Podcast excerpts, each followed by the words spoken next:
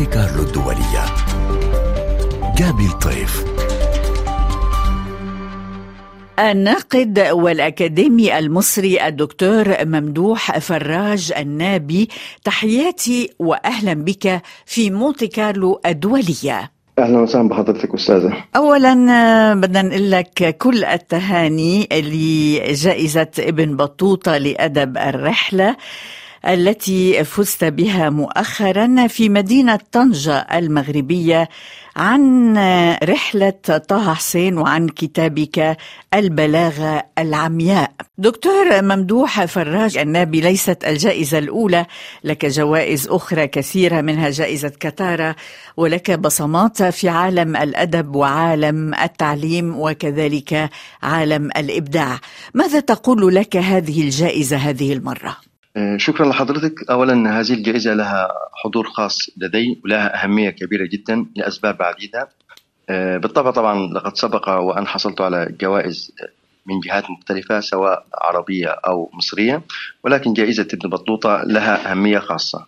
آه، لهذه الأسباب. اولا لأنها تحمل اسم الرحالة الأعظم رحالة المشرق والمغرب الرحالة ابن بطوطة.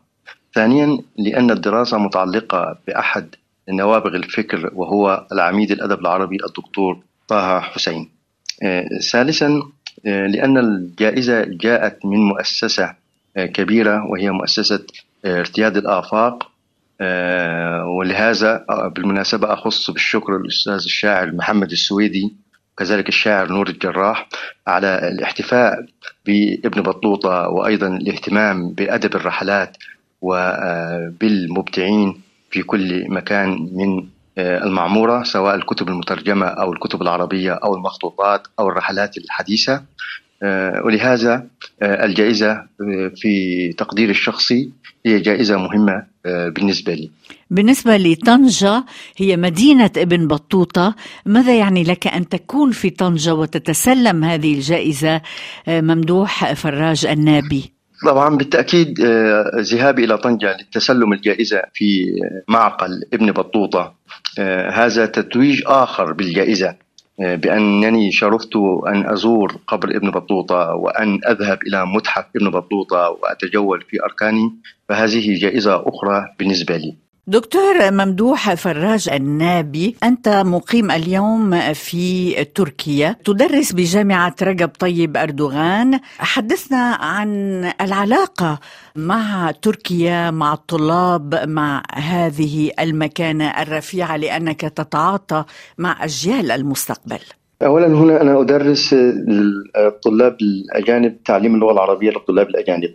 والحقيقة وجدت آه، اهتماما كبيرا من قبل آه، الأفراد وقبل المؤسسات في تعليم آه، الطلاب اللغة العربية حيث الدولة تسعى جاهدا إلى تطوير آليات تعليم اللغة العربية للطلاب لديهم لأسباب مختلفة لكن السبب الأساسي يرجع في ظني لا هو السبب ديني حيث ارتباط آه، الأتراك بالإسلام ومحاولتهم إقامة الشعائر باللغة العربية.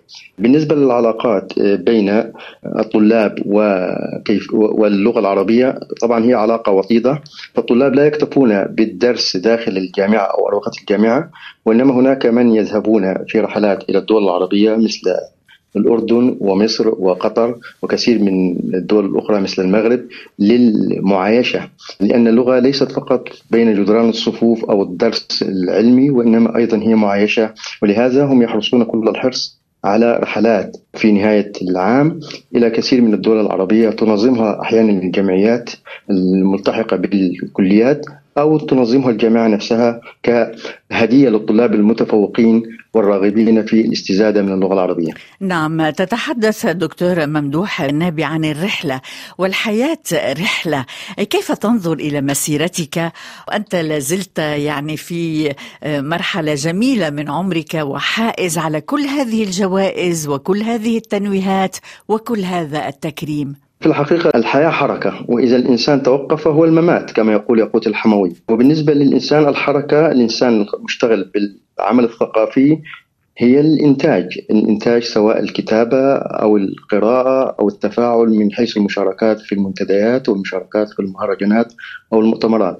بالنسبة لي على الرغم مما حصلت عليه من جوائز وما كتبته من كتب حتى الآن إلا أنني لا أقول غير راضي ولكن أنشد إلى هدف آخر هدف أسمى وهو أن يكون لي كتابة مميزة فارقة خاصة في ظل انتشار الكتابات الكثيرة وانتشار الوسائط الثقافية المتعددة التي تتيح للمتلقي أن يتلقى المعلومة. فأنا حريص كل الحرص على أن أطور من أدواتي النقدية وأيضا أطور من كتاباتي وأن أختار الموضوعات بعناية فائقة. على سبيل المثال كتاب البلاغة العمياء عند طه حسين.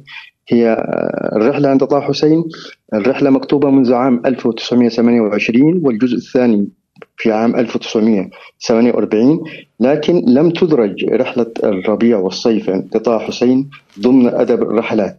وكان هذا هو السؤال الذي بدأت منه.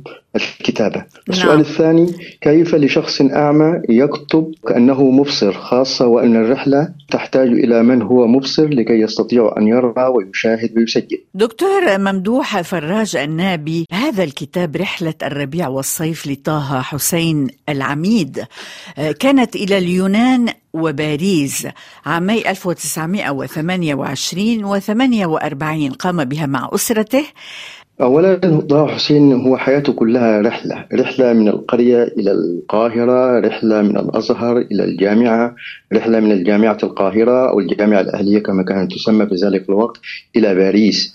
ثم بذلك رحلة في قراءة التراث فهو لم يكتفي بقراءة التراث كما كان يتلقن في الأزهر الشريف أو في الجامعة وإنما قرأه من منظور الدراسات الاستشراقية خاصة بعد وصول المستشرقين إلى الجامعة الأهلية على سبيل المثال أستاذه كارلو نلينو فطه حسين حياته كلها مرتبطة بالرحلة في كتاباته وأيضا في حياته الشخصية وهو كعادة طه حسين كما هو معروف أنه كان دائما يخصص فصل الصيف للتجوال إما في اليونان أو في باريس أو في سويسرا. وكعادته أيضا تكون رحلة الرحلة نوع من الاستجمام إنما هي كانت رحلة ثقافية بامتياز. فهو دائما كان يكتب فمعظم كتاباته جاءت في أثناء وجوده في رحلات. على سبيل المثال كتابه الأيام الذي صدر في عام 1926 مسلسلا في مجلة الهلال هو كتبه وهو في باريس. أيضا من المعلوم أنه كتبه في تسعة أيام وهناك من يقول كتبه في ستة أيام أو أملاه بمعنى أدق لأن طه حسين كان لا يكتب وإنما كان يكتب باللسان أي أنه كان يملي سكرتيره وهو يكتب نيابة عنه. أما رحلة الربيع والصيف فهما رحلتان. اتجه بهما طه حسين مع أصدقائه وأسرته.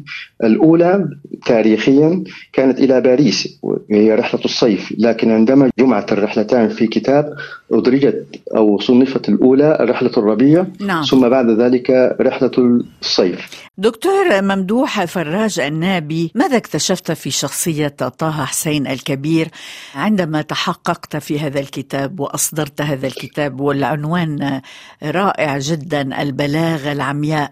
هذا الرجل البليغ الفاقد البصر. طه حسين أستطيع أن أقول بعد أن قراءتي لكثير من أعماله وكتابتي عن رحلته الربيع والصيف هو شخص لا أستطيع أن أصفه بكلمة واحدة ويكسر الألفة بمعنى أنه الشيء المألوف دائما يخترقه طه حسين في كل شيء في كتاباته وفي أعماله وفي حياته.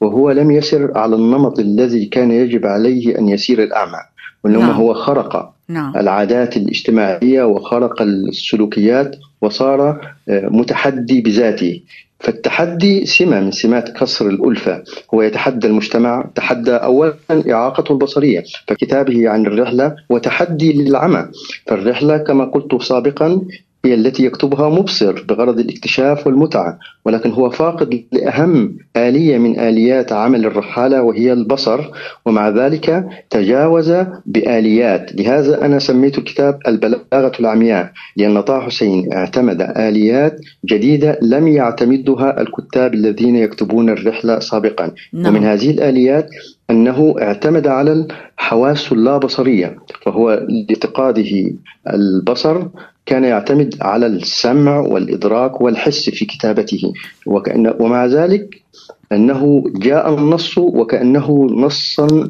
مرئيا يعني أي أن طه حسين شاهد كل ما رآه بنفسه نعم نعم. وليس كما جاء من ملقن. بالنسبة لزوجته زوجة طه حسين الفرنسية سوزان وتأثيرها عليه هي كانت الوسيط أيضا بين الحياة بين الطبيعة بين الناس وبينه. هذا حقيقي. سوزان طه حسين كانت هي الوسيط بين ما لا يراه طه حسين وما تراه هي وبالمثل كان سكرتيره فريد شحاتة. نعم. ولكن طه حسين لم يعتمد اعتمادا كليا على ما تنقله. الأداة الوسيطة سواء كان سوزان أو فريد شحاتة. وإنما كان يقوم بعمل تزويد لما يسردون ويقوم في نفس الوقت بعملية إعادة تخييل. وهذا مخالف لأعراف الكتابة الرحلية. الرحلة واقع لكن طه حسين كان يعتمد اعتماد كلي على الخيال في نصه. ولهذا جاء البحث جاء البحث موسوما بحث في الخيال الرحلي. لأن طه حسين اعتمد في كتابته على الخيال. هناك أشياء لم تقلها سوزان ولم يقلها فريد شحاتة لأن الأيديولوجيا الخاصة بهما ترفض مثل هذه الأشياء إلا أن طه حسين نتيجة لقراءاته الموسعة ومعرفته المعمقة بهذه الأماكن من قبل استطاع أن يأخذ مما استمع إليهما ثم بعد ذلك أن يعيده على ذاته ويضيف إليه من منتوجه الثقافي فصار إلينا نص ليس نص مكتوب بعين سوزان أو فريد شحاتة وإنما هو نص مكتوب برؤية طه حسين الذاتية نعم. وبالأيديولوجيا الخاصة لطه حسين. بالنسبة لك ما هي أجمل كلمة قالها؟ ما هي أجمل جملة؟ ما هو أجمل مقطع في هذا الكتاب لطه حسين؟ يعبر فعلا عن هذه الرحلة. المقاطع الخاصة برحلته إلى باريس وهو يرى آه، اختراع الراديو وهو يتأمل كيف هذه الآلة الحديثة استطاعت أن تغير سلوكيات أهل باريس.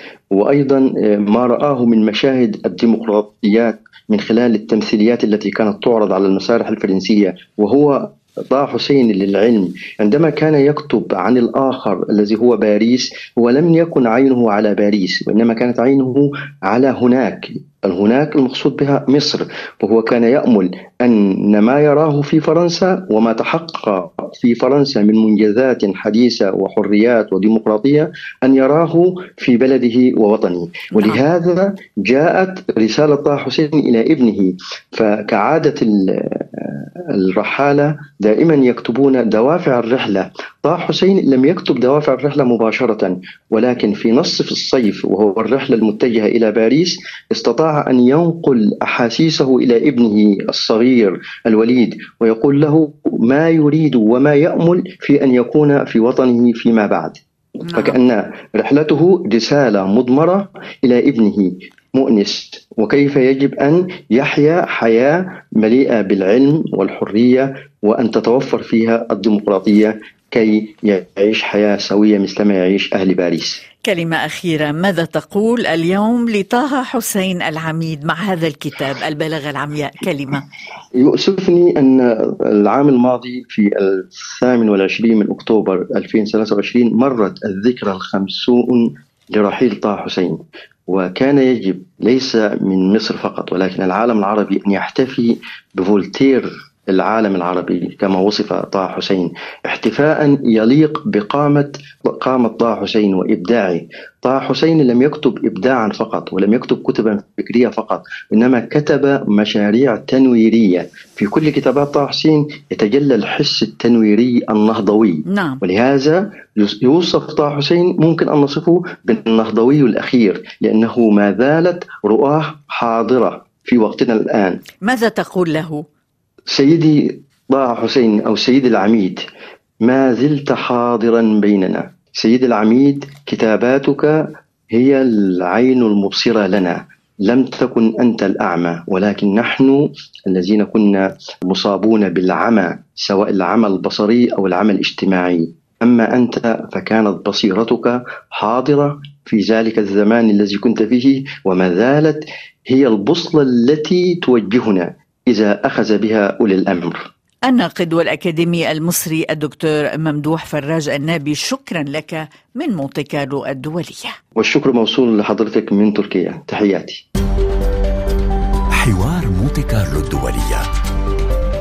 جابي الطيف